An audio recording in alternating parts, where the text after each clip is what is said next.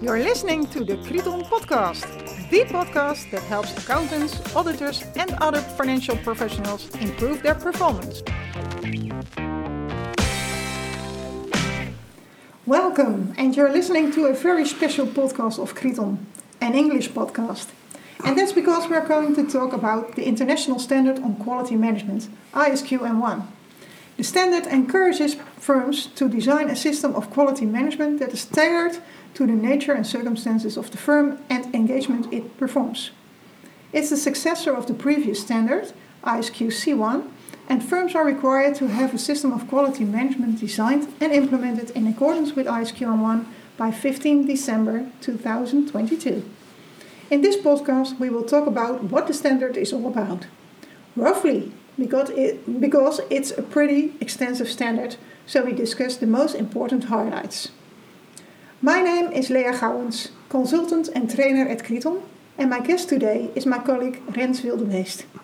He combines professional knowledge and his extensive experience in developing and providing training courses. He has extensive experience in auditing and performing file reviews and engagement quality reviews.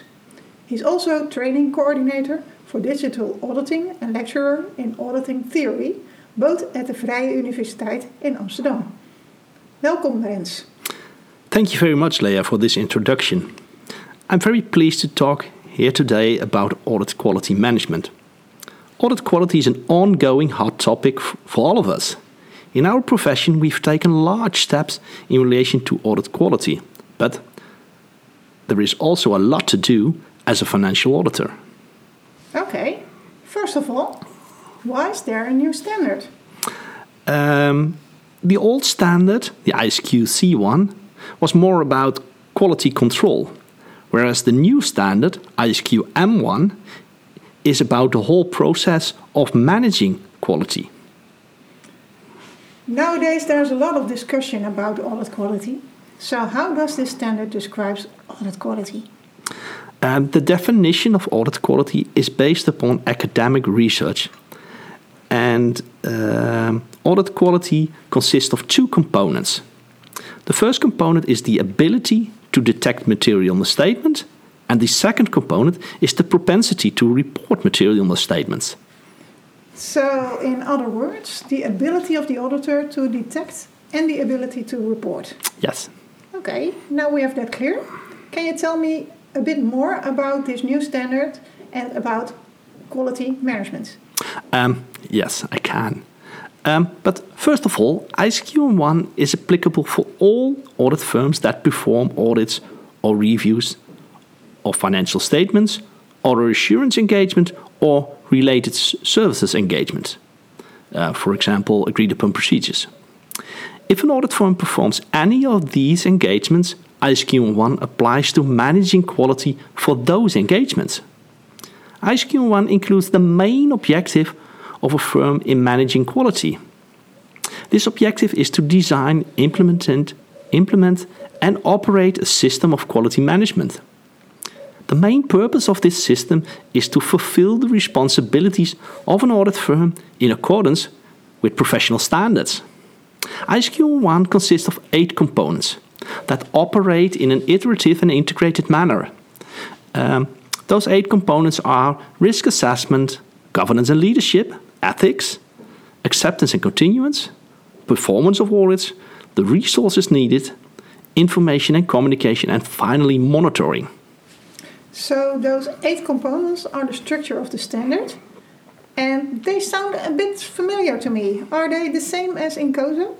Um, they're not quite the same as COSO, but there are some similarities between the components of COSO and those of ISQ1. Okay. Uh, can you tell me a bit more about the components of ISQ1? Um, yes, I can. Um, as I mentioned, the first component is risk assessment.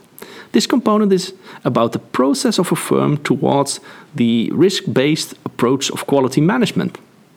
Part of this process is establishing quality objectives, identifying and assessing quality risk to achieve the set objectives. Can you give a practical example of an objective set by an audit firm? Um, an example is um, engagement team understanding and fulfilling their responsibilities in connection with the, with the engagements. Another example is uh, consultation on difficult or contentious matters is undertaken and the conclusions are agreed and implemented. Okay, clear. Let's go on with the second one. Um, the second component, governance and leadership, deals with culture, leadership, uh, leadership responsibility, and accountability, the organizational structure, and the assignment of roles and responsibilities. And finally, the resource planning and allocation. So, this element is about establishing a culture of quality. Can you give an example of an action to achieve this? Um, yeah, an, an, example of an actual action is um, setting the tone at the top or uh, commitment to quality by all personnel. And finally, embedding quality in the firm's strategic decision and actions. Um, so let's continue to the th third component. Uh, the third component is about ethics. Uh, this component deals with fulfilling relevant ethical requirements by the firm and its staff, internal as well as external. And in this component is dealt with all relevant ethical requirements. What do you mean by external? Does that mean that a firm is also responsible for the ethical requirements of other parties they use? Um, let's give me a typical auditor answer yes and no. and there are the firm is responsible for the ethical requirements of third parties if those parties have access to local files of the firm. Um, for example, um, other parties external to the firm may be involved in the performance of engagements. The firm has a responsibility to address all the relevant ethical requirements that apply to them. However, and that's the no part, uh, the firm is not responsible for the relevant ethical requirements that apply to others outside the context of the firm and the firm engagements. Okay, clear. Um, Shall we go on with the fourth one? Yes. Uh, the, fourth, the, the fourth component is about acceptance and continuous. And it deals with the judgment about whether to accept or continue a client relationship or a specific engagement. Um, a firm should specify the information that is needed and gathered about the nature and circumstances of the engagement. And a firm should set out factors to be considered in determining whether the firm is able to perform the engagement. And finally, uh, the firm should specify the types of engagement that may be performed by the firm, or even more important, may not be performed by the firm. Okay, again, yes and a no. Yes and a no. uh, let's go on with the fifth one. Um, the fifth component uh, deals with en engagement performance. And it's all about actions to promote and support the consistent performance of quality engagement.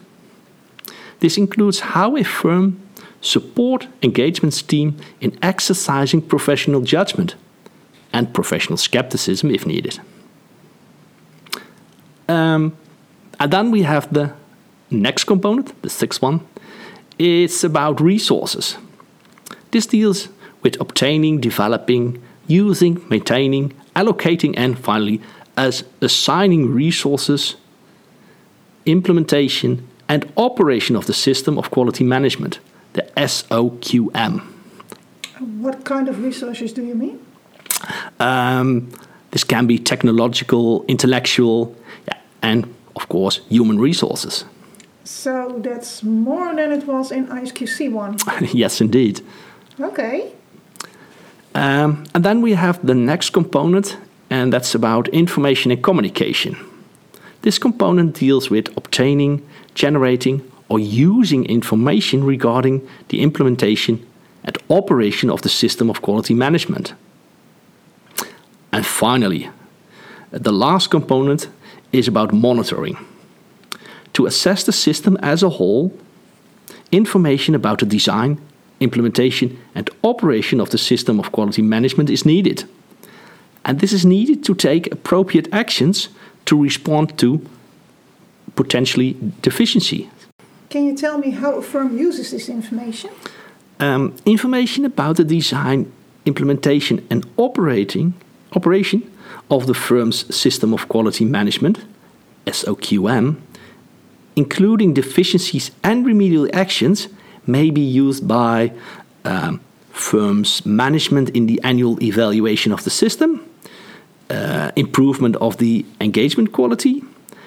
Uh, engagement partners uh, can use it to manage it and achieve engagement quality. So, um, there is a lot of information about ISQM1, but this is about it in a nutshell. Okay, thank you, Rens. So, wrapping it up. Most firms will already have a system of quality control and now will adapt it to a system of quality management. ISQM1 includes requirements to evaluate the system of quality management. Based on the evaluation, it's required to conclude on whether the objectives in the system of quality management are being achieved. The focus of the evaluation is whether the system of quality management provides reasonable assurance that the firm is fulfilling the responsibility in accordance with professional standards and applicable legal standards, and engagements are being conducted in accordance with the standards, and that reports being issued by the firm and engagement partners are appropriate in the circumstances. When I think of quality, I always have to think about a quote of Henry Ford. Quality means doing it right when no one is looking. And that's the real focus. We are all professionals and we all just want to do it right. And for firms, ISQM1 will help them and their employees to achieve that. Thank you for listening to this podcast and remember, delivering quality costs money. Failure to deliver quality costs a fortune.